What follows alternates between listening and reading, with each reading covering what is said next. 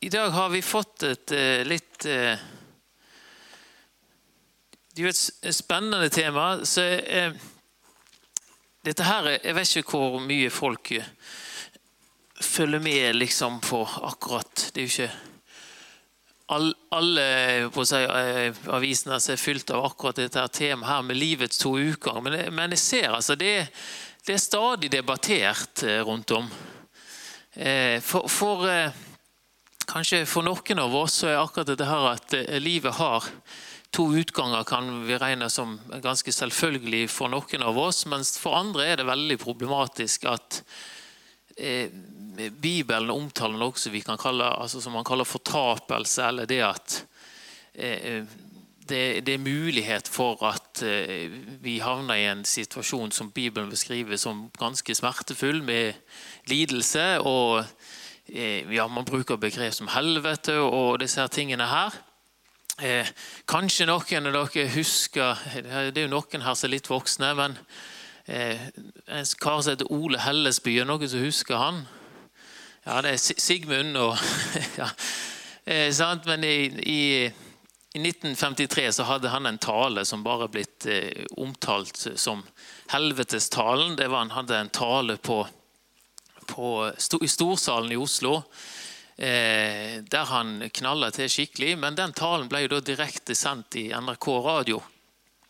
Og Det førte til altså, en skikkelig debatt utover på 50-tallet.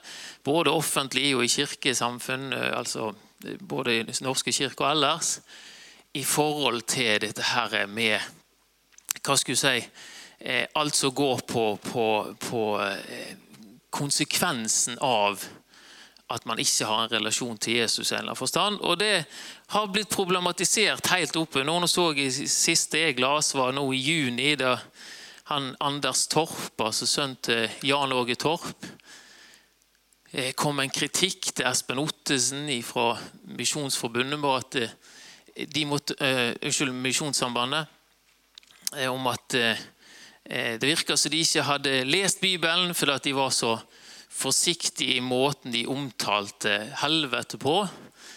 Og Der skulle det være veldig tydelig, for hvis du var så tydelig som han mente, så viste det seg at dette her måtte jo bli forbudt å snakke om. Altså Man ønsker å avskaffe hele greiene.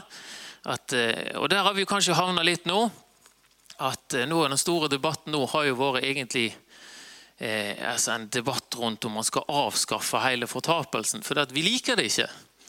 Vi har ikke lyst til at det skal finnes noe sånt, men eh, hvis vi eh, forholder oss til Bibelen, så er det vanskelig å komme utenfor det med fortapelse. og Jeg har lyst til å belyse det litt. Og så har jeg fått et sånt tilleggsspørsmål. Jeg er jo snill og grei, holder ikke dette gjør så godt jeg kan. Og Det er det jeg har eh, lyst å ta eh, litt tak i deg. Altså eh, Jeg har ikke tro på i det hele tatt at eh, man kan holde på å skremme folk til tro. Altså, eh, Det at man eh, hva skal jeg si, av hjertet vil gi seg hen til Jesus, tror jeg ikke det går an å skremme folk til. Så kan folk være uenige om det, men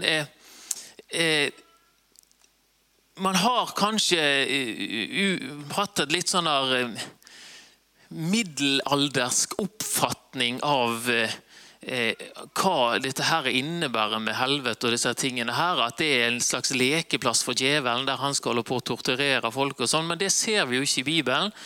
Eh, der ser vi det at i, i, i, forhold til, i hvert fall i forhold til djevelen så er det i så fall et fengsel. Altså en, et straffested som er forberedt for djevelen og, og, og hans eh. Men skal ikke vi eh, gå så mye inn på akkurat det. Men eh, det som jeg syns er eh, mer interessant eh, i, når vi ser på det i et større bilde For jeg tror at sånn der isolert fokus på det kan gjøre at vi kommer litt skjevt ut. Det som er mest interessant, det er å se det som eh, bl.a. Eh, Tessalonika-brevet beskriver, altså at det er en evighet atskilt ifra Gud. Og Det er det jeg har lyst til å ta litt eh, tak i. egentlig jeg holdt på å si, Ikke først og fremst hva det er, men hvordan vi havner der. For det at, Hvor vi enn snur og vender på det, så har vi et hovedord i Bibelen. som er frelse. Eh, det å, altså, Norske ord er jo kanskje litt spesielt. Altså, det kom, frelse kommer, det norske ordet kommer fra å bli frihalsa. Altså, det henviser tilbake til altså, at når man var fanga, så gikk man med lenke rundt halsen. Altså, og det å bli satt fri fra de lenkene som binder en, det var å bli frihalsa. Altså det å bli frelst. Det er det ordet henter ifra. Vi er jo 'saved' på engelsk. Altså. Men dette her med å bli eh, si, redda eller satt fri eller utfridd, det handler om at man er bundet av noe. Det er det egentlig dette her frelsesbegrepet handler om. Det er noe som binder deg, så du må bli satt fri ifra. Så eh, hovedspørsmålet, Hvis dette er et hovedbegrep i Bibelen, så blir jo hovedspørsmålet hvorfor trenger vi frelse? Ja, Da har vi liksom et parallellord, eller hva du skulle si, et motsatt begrep, som er fortapelse. Ok? Det å være fortapt. Eh, hvis vi går da til eh, vi, det som vi kaller for den lille Bibelen, så finner vi dette her godt beskrevet. Altså, For så høyt har Gud elsket verden at han ga sin sønn den enbårne, for at hver den som tror på han ikke skal gå fortapt, men ha evig liv. Gud sendte ikke sin sønn til verden for å dømme verden, men for at verden skulle bli frelst ved han. Ok, Hva sier dette her, hvis vi tar det som en innledning? Vi har altså eh, Jesus kommer for at vi skal bli frelst. Jesus altså kommer for at vi skal bli utfridd. Ok? Hva vil frelse føre til? Jo, som det står, for at vi skal ha evig liv. Sant? For så høyt elsker Gud verden at han ga sin sønn, for hver den som tror på han, ikke skal gå fortapt, men har evig liv. Og Hvis vi leser da videre i Bibelen, så ser vi at det evige livet er et evig liv sammen med Gud. Det er det som frelse består i. Ok, Hva fører da fortapelse til? Altså, Hvis vi da leser videre, så handler det om det motsatte, altså en evig død. Død betyr adskillelse. Det er det begrepet betyr. Bibelen beskriver en sånn tredelt dødsprosess. altså Først så dør mennesket. Døden kom inn i verden ved at vi ble skilt ifra Gud.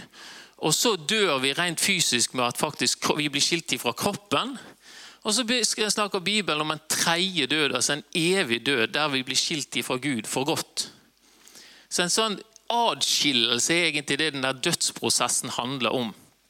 Og eh, eh, så jeg, eh, eh, I, i andre Tessalonikerbrev, i første kapittel der, så snakker han om at eh, Han snakker om eh, hvis man da forakter det som Jesus gjør på korset, hvis man eh, liksom sier at 'det der vil jeg ikke ha noe å gjøre med', så sier han at straffen for det det er altså en evig fortapelse borti fra Herrens ansikt, står det.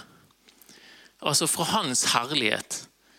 Jeg, for, altså jeg forakter Jeg vil ikke ha noe med Jesus å gjøre.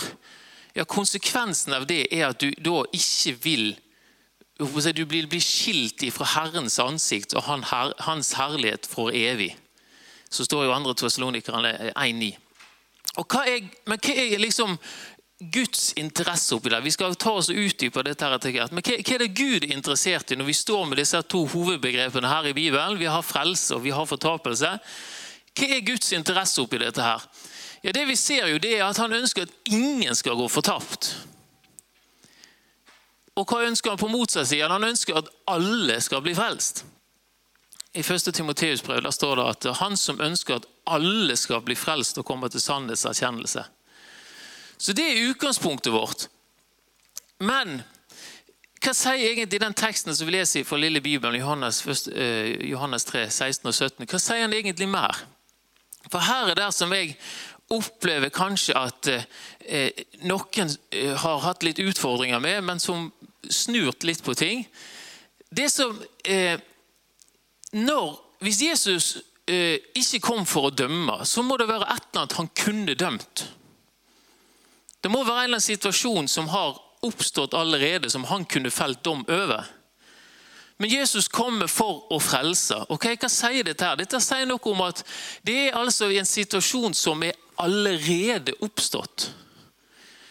Altså Jesus kom inn i en verden som allerede er fortapt.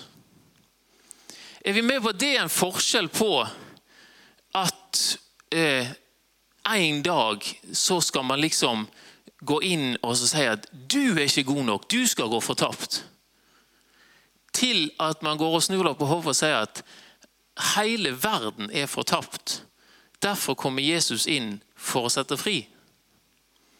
Så stiller vi på et helt annet utgangspunkt. Da er ikke det snakk om ja, men jeg er god nok, eller hvorfor er ikke Han parkerer det egentlig og sier at ingen er, er god nok. Vi er alle fortapt.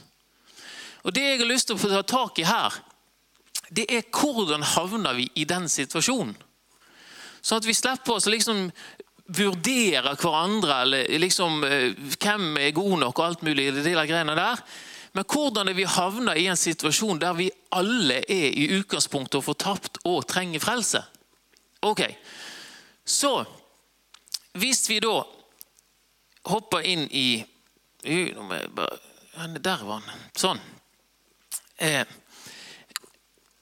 Jesus, Jesus, han sier jo det til jeg kom plutselig på, altså han, han er hjemme hos Sakkeus, så sier han det til Sakkeus. Liksom, for Sakkeus blir jo eh, begeistra og eh, gir fra seg eh, mesteparten av det han har si, eier osv. Og, og så sier Jesus at i dag er frelse kommet til dette hus. Og så sier han at for det at menneskesønnen er kommet for å oppsøke og frelse det som var fortapt. Det er derfor jeg er kommet. Jeg er kommet for å oppsøke sånne som deg, som ser at jeg er jo fortapt.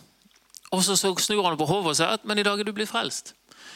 Sånn at denne her, eh, eh, tanken om at vi en gang skal gå fortapt, og det, det, må vi snu litt på. Så må vi tenke at vi er i en situasjon der vi i utgangspunktet er fortapt.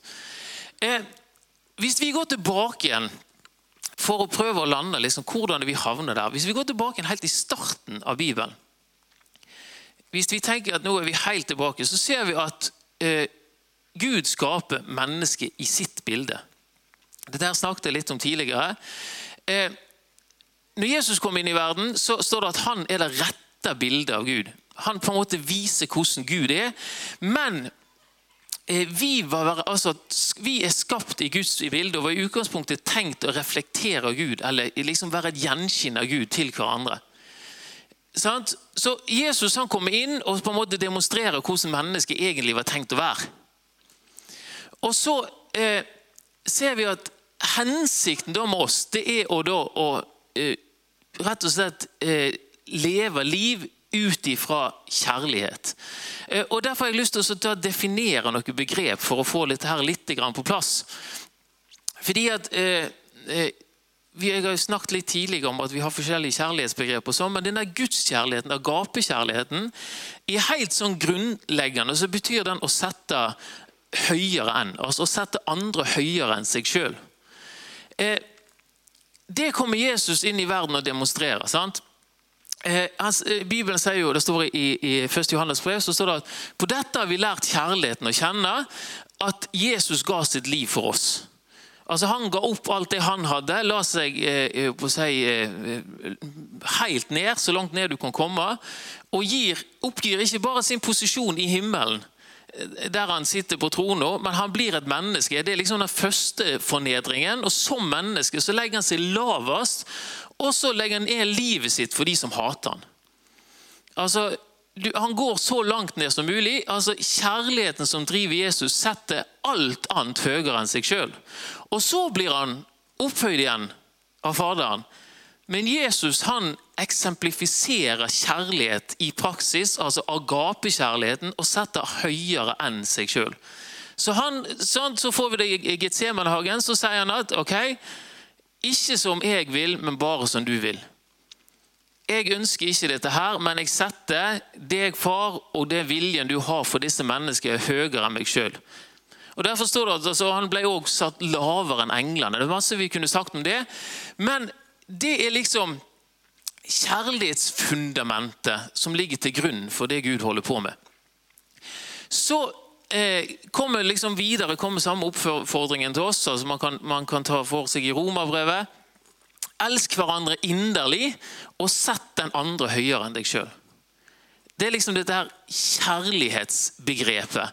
Og Det er litt viktig at, at eh, vi på en måte flytter oss litt ut ifra kjærlighetsbegrepet som er litt sånn der koselig eh, liksom, å, eh, ja, stryker på kinnet og alt mulig sånn. Eh, det, det, er liksom mye mer enn det. Det er en praktisk handling som vi først og fremst ser demonstrert i det Jesus gjør. Altså For så høyt elsker Gud verden at han ga sin sønn. Altså Kjærlighet i Bibelen, agapekjærligheten i Bibelen, er en praktisk handlende kjærlighet egentlig ikke har så mye med følelser å gjøre. Det er et valg om å prioritere noen andre foran seg sjøl, sjøl om konsekvensene blir sånn som for Jesus, at han ender i døden for de som hater han. Og Derfor kommer det sånne eh, ting, og vi ser at dette er ganske ekstremt. Derfor kommer jo Jesus og sier elsk de som, liksom, be for de som forfølger dere. Elsk de som hater dere. Ja, og, og elsker de som du allerede på en måte eh, bryr deg om. Det er ikke så fryktelig vanskelig. Men i Guds verden så setter han altså høyere altså de som egentlig ikke ønsker å ha noe med han å gjøre. Og Det er en sånn der, eh, eh, eh, kjærlighet som blir kinkig for oss å forholde oss til. Eh, og, dette her begrepet, sånn, vi finner det Jesus sier dette er også grunnkjernen i, i, loven. Der eh, reduserer han litt, men han sier du skal elske en Gud høy over alt. Det er liksom det første budet, Og så skal du elske din neste som deg sjøl. Du skal sette den neste like høy som deg sjøl. Så eh, når vi ser at dette her eh, går tilbake helt i starten av, av, av første Mosebok og skapelsen, så altså har vi fått eh, en verden som Gud, når han har skapt hele greia, eh, definerer som Han ser på alt og ser at alt er godt. Og Dette godt-begrepet i Bibelen, god i Bibelen, det er ganske interessant. Fordi at til og med Jesus sier De har jo På søndagsskolen og så har du en rik unge mann. Den rike unge mannen når han kommer til Jesus første gang, så, så liksom henvender han seg til Jesus og så sier han, 'Gode mester'. Og Så svarer Jesus han, 'Hvorfor kaller du meg for god?' Det fins bare én som er god, og det er Gud. Og da ser vi at Jesus bruker godhetsbegrepet på en litt annen måte. Han det at han har som en sånn kjerne hva skulle jeg si, identitet å være god. Det å være gjennomført god.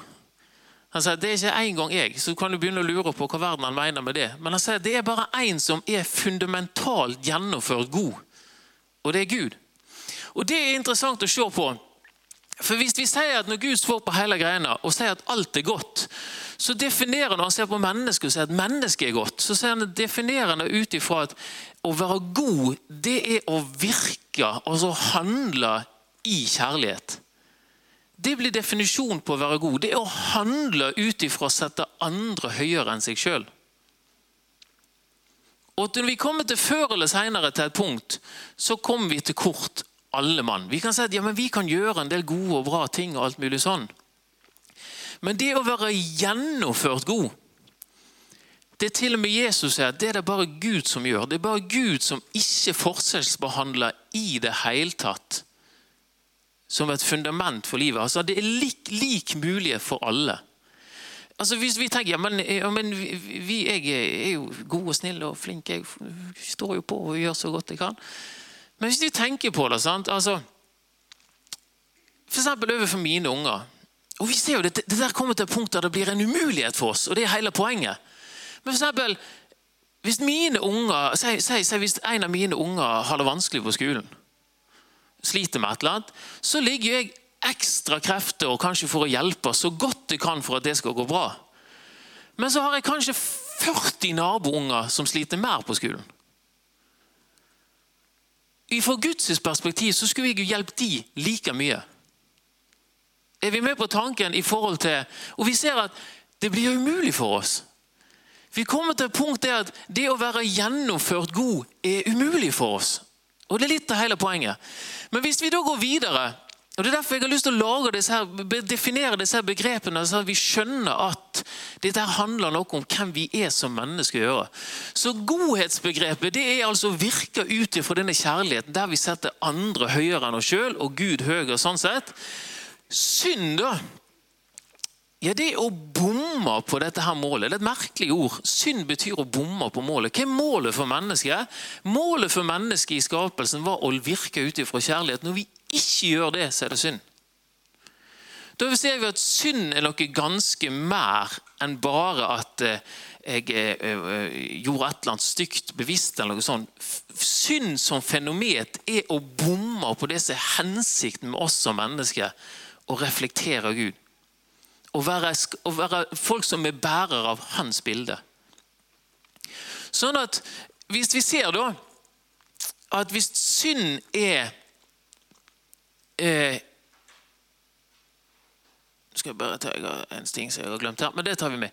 Eh, hvis synd er å bomme på målet om å virke i kjærlighet, ja, hva da er det ondskap, eller det å være ond?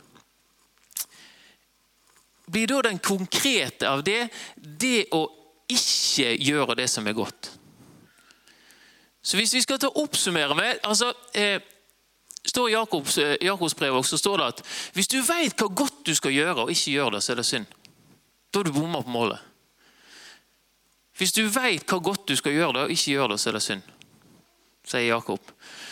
Så vi er kommet her altså i en situasjon eh, der Bibelen Og dette, dette sliter vi litt med. Men der Bibelen definerer mennesket som i utgangspunktet ondt. Og Dette her synes vi er litt vanskelig, og derfor skal jeg ta litt tak i det.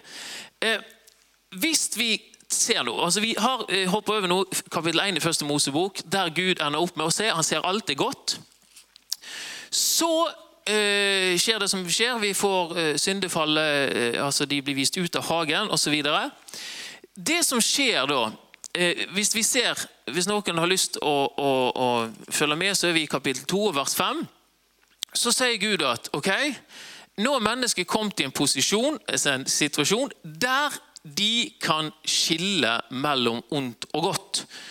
Eh, nå, eh, unnskyld, Vi er kommet til kapittel 3, vers 22. Og Gud Herren sa, se mennesket blitt som en av oss til å kjenne godt og vondt. Mennesket er kommet i en posisjon der vi kan skille mellom godt og vondt. Så hva skjer videre her? Så får vi eh, Eh, Kain og Abel osv. Så og sånn, kommer vi ut i kapittel 6, så ser vi at det skjedde en utvikling. Altså Det viser seg at når mennesket, som i utgangspunktet var godt, nå har fått en egenskap til å skille mellom godt og ondt, så ser vi at mennesket i større grad begynner å velge å gjøre det som er definert som ondt. Altså, man istedenfor å være opptatt av den andres beste, er opptatt av sitt eget beste. Og dette er noe vi må skjønne at eh, Ondskap i forhold til sånn eh, som vi opplever som fryktelig ondt Nå er vi på en helt annen skala. Egentlig snakker vi jo som ondskap er å være selvsentrert. Egoisme. Det å være opptatt av mitt eget beste før de andres beste blir det som blir kjernen i det som er ondt her som vi er nå. Og Det som står i kapittel 6, her nå, så står det at Herren så at menneskenes ondskap var stor på jorden, og alle tanker og hensikter i deres hjerte var onde hele dagen lang. Altså, Mennesket var kommet i en posisjon der man var mest opptatt av hva er det som gagner meg og Det er det som spinner videre. sant? Og Så begynner man å snakke om for eksempel, så kjenner vi til begrep som kjærligheten til penger er roten til alt ondt. Hva er egentlig det for noe?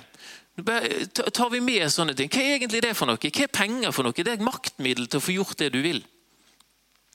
Så hvis det er viktigere for oss å ha en posisjon der jeg kan få gjort det jeg vil, er viktigere enn om andre har det bra,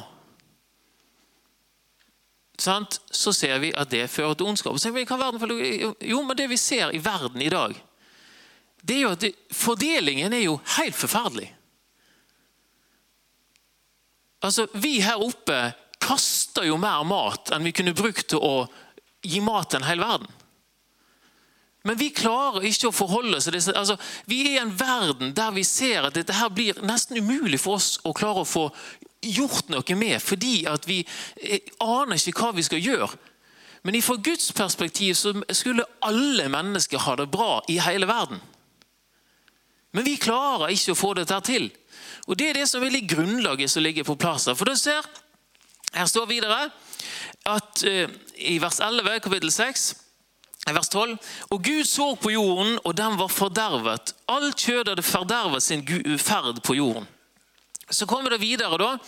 Uh, det står at, eh, I en oversettelse her, så står det alt det menneskene hadde gjort på jorden, førte til ødeleggelse. Til slutt så førte det til Man holdt på å styrte og greier, men det førte til at folk ble brutt ned. Så kommer vi videre så kommer vannflommen. Så vet vi at Gud tar et oppgjør med det som man ser sprer seg i verden. Men nå er det veldig interessant. I kapittel 8 nå i første Mosebok så er det kommet til et punkt der Gud sier etter vannflommen Etter han sier at ok, eh, Noah han var en rettferdig mann som var ulastelig blant sine samtidige. Altså Når han så på resten av befolkningen, så var Noah ulastelig sammenlignet med de. Så kommer vannflommen, og så står altså Noah, som blir regnet som ulastelig sammen med de andre. Han står igjen med sin familie. Og hva står det da på slutten av eh, kapittel 8? Menneskets hjerte Gud sier når han etter vannflommen Menneskets hjerter, eh, unnskyld, menneskehjertets tanker er onde fra ungdommen av. Ungdommen av øh, unnskyld, er onde fra ungdommen av. Så når vi står altså igjen med Noah og familien, så definerer Gud mennesket som de er onde fra ungdommen av. Før for skapelsen så definerte han seg som gode, men så ser vi, nå står vi altså med menneskene, og vi begynner på nytt. Og For kapittel 9 så begynner Gud på nytt igjen. Og Gud velsignet Noah og sønnen hans og sa til dem vær fruktbare, bli mange og fyll jorden. Han repeterer det som han sa til Adam og Eva i starten. Men nå er det en ny situasjon, der Gud definerer at mennesket er ikke lenger godt av natur. Menneskets tanker er egoistiske av natur. Er selvsentrerte. Og da kommer man til, og her kommer det inn, f.eks. Nå tillater Gud mennesket å spise dyr. Og slå i hjel. Før det var mennesker vegetarianere. Så kommer det videre her. Så kommer det mer eller mindre en slags samme beskjed som han ga til Adam og Eva tidligere. Og så kommer det i vers 5 i kapittel 9. Men jeg vil kreve regnskap for hvordan dere oppfører dere mot hverandre. Han står f.eks. at den som utøser et menneskes blod, hans blod skal bli utøst av mennesket, for i Guds bilde skapte av mennesket. Kommer det flere sånne ting? Det han sier at Jeg kommer til å kreve dere til regnskap for hvordan dere oppfører dere mot hverandre. Sånn at vi har fått da eh, en ny situasjon. Og Da er det da dette frelsesbegrepet og det er dette fortapelsesbegrepet. Vi ser at vi havner i en situasjon som mennesker der vi er fortapt, og vi trenger frelse. Og jeg vil kreve dere til regnskap for hvordan dere oppfører dere mot hverandre. Og Da får vi liksom den tilstanden vi har hatt. Dette er bare et illustrasjonsbilde. Dette her er jo så umulig vanskelig for oss å gjøre noe med, men realiteten er jo som jeg nevnte, Vi kjører maten i søppelet samtidig så det er på millionvis av mennesker som dør av mangel, eller hundretusenvis av mennesker som dør av mangel på mat. Det er jo helt unødvendig. Men vi, klar, vi har ikke liksom strukturer og greier i, i orden, for fundamentet for våre samfunn er ikke lenger kjærlighet. Men selvsentrert egoisme. Meg først, og så får vi se. Vi snakker ja, men jeg gir jo, ja, men vi gir alltid av vårt overskudd. Og disse tingene. Og så ser vi at vi kom til et punkt, og det er det vi kan se, og det er veldig interessant å se utover hele Gamle testamentet, at Gud tillater ting som ikke er greit. Så kommer Jesus i Nytestamentet og sier at ja, dere har hørt det sagt, at det er greit for mannen å gi skilsmissebrev til kona og gå fra henne. Men sånn var det ikke fra begynnelsen. Så Jesus kommer og løfter igjen og sier at det er mye ting som Gud har tillatt for dere å gjøre pga. deres harde hjerte, pga. den ondskapen som ligger i dere. Men fra Guds side så er det ikke greit. Men Jesus kommer til å sone all verdens synd og, så og sånne ting. Men det er mange ting her som eh, vi ser at Gud håndterer og må, måte, Måten han må jobbe med en verden som er falt i, gjør at Gud ikke må, kan slå ned på alle tingene. For det hadde ikke vi klart å fungere. Så Gud jobber seg gjennom en lang prosess som peker fram mot Messias, der han overbeviser sånn, synd, eh, Loven kom jo inn for å overbevise om synd, som Paulus sier. Så jobber Gud seg fram og peker fram mot Messias, der man skal komme til et punkt sånn som Paulus sier at ja, men det vi kan vite om Gud, det jo, har jo vært synlig rundt oss fra skapelsen av, for at vi skal være uten unnskyldning.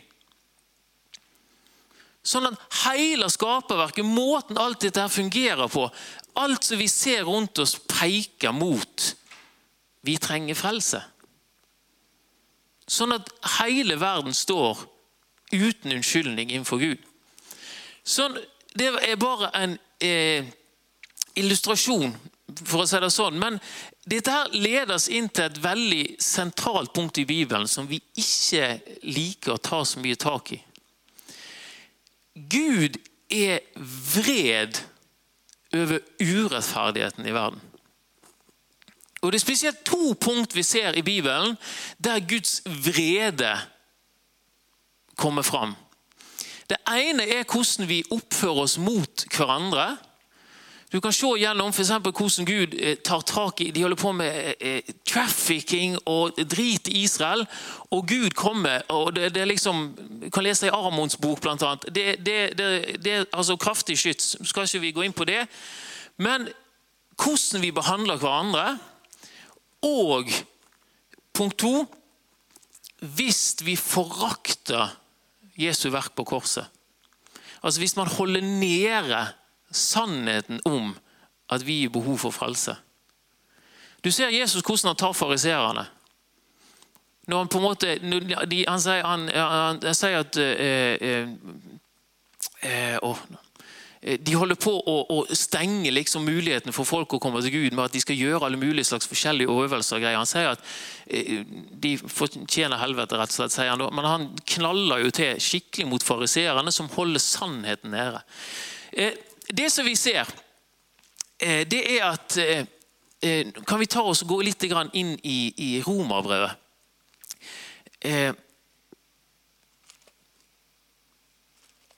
Vi se om jeg befinner det her. I romerbrevet så eh, skriver faktisk Paulus ganske mye om dette. her. Han skriver altså fra vers 8 inn på det jeg nevnte i stad. For Guds vrede åpenbares fra himmelen over all ugudelighet og urettferdighet hos mennesker som holder sannheten nede i urettferdighet. For, for det en kan vite om Gud, ligger åpent for dem. For Gud er åpenbart for dem. Hans usynlige vesens, både hans evige kraft og hans guddommelighet, har vært synlig fra verdens skapelse av. Det kan kjennes av hans gjerninger for at de skal være uten unnskyldning. Han sier at Guds vrede åpenbares over all urettferdighet og de som holder sannheten nede.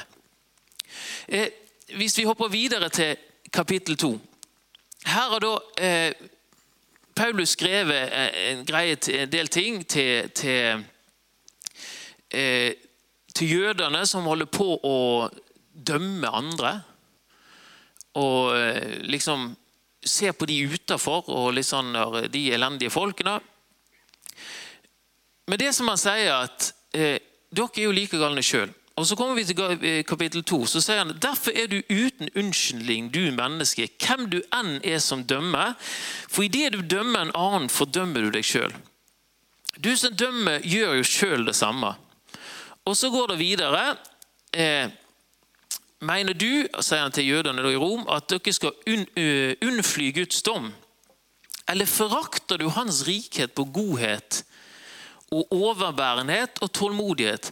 Vet du ikke at Guds godhet driver deg til omvendelse? Men med din hardhet og ditt ubotferdige hjerte, altså det at du ikke vil eh, omvende deg hjertet, så hoper du deg opp vrede til vredens dag, den dag da Guds rettferdige dom skal bli åpenbart. For han skal gi enhver igjen etter hans gjerninger. Til den som i utholdenhet i god gjerning søker herlighet og ære og uforgjengelighet, skal han gi evig liv. Men over den som er gjenstridige og ulydige mot sannheten, men lydige mot urettferdigheten. Over dem skal det komme vrede og harme. Det, sånn, det, går igjen dette her begrepet her, Guds vredes dag som skal komme. og sånne ting, og Det er Guds dom over urettferdigheten i verden. Den kommer, og Det er et sånt begrep som vi ikke helt liker. Oh, det syns vi er litt sånn skummelt.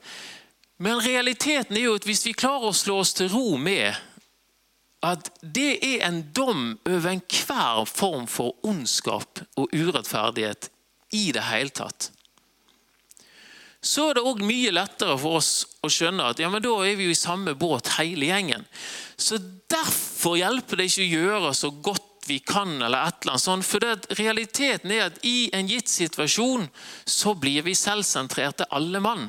Hvis vi vokser opp i en fryktelig eh, situasjon der eh, det ender opp med at ok, eh, meg eller deg ja ok, eh, til syvende og sist her, hvis det står på om jeg skal leve og du ikke skal leve, ja, så har vi en veldig lei tendens til at jeg favoriserer meg sjøl først. Så kan du si at ja, noen klarer jo det, at ja, men jeg legger ned livet mitt for, for andre.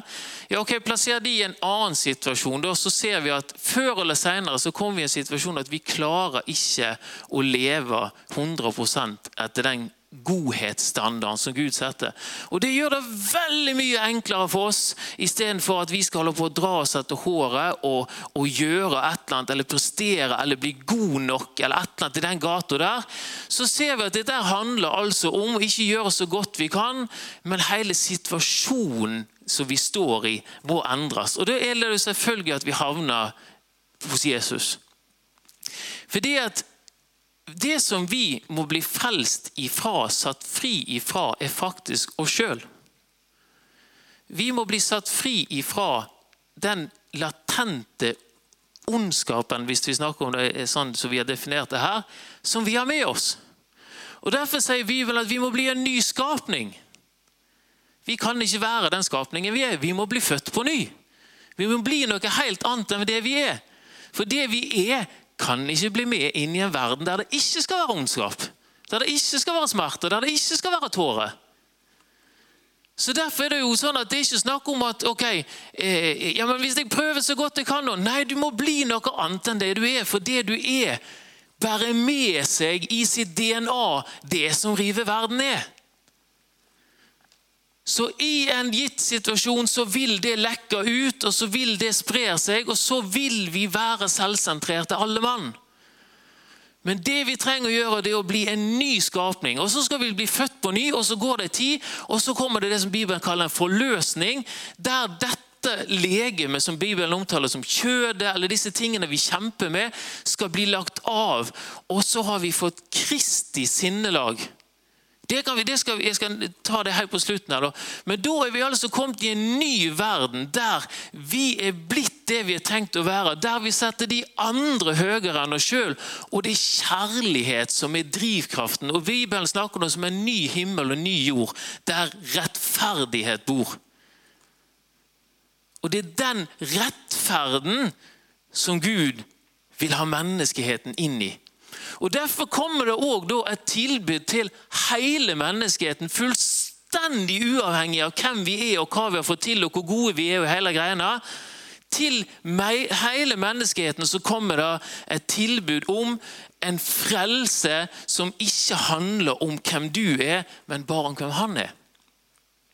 Som, og det er jo det som er eh, Hvis vi tenker på det, så blir da Fortapelse blir altså en automatisk egentlig konsekvens av at det fins frelse. For hvis vi skal kunne være sammen med Gud, Og Det ser vi gjennom hele eh, Bibelen. Det at å være i Guds nærvær eh, som eh, på å si, eh, syndige mennesker, det tåler vi ikke. Og Det er masse vi kunne studert på det. Men vi ser at hvis vi skal være i Guds nærvær, så må vi være rensa fra alt dette her slagget vi som bærer med oss. Og Gud sier at men da gjør vi det likt for alle. Det er bare gjennom Jesus Kristus at vi kan bli satt i en posisjon der vi kan være sammen med Gud. Face to face. I fellesskap med Han. Så eh, hvis vi aksepterer det, da, at vi er problemet,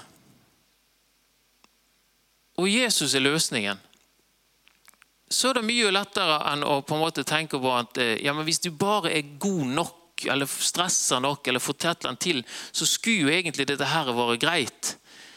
Eh, da skulle jo egentlig jeg klart dette her litt på egen hånd. da.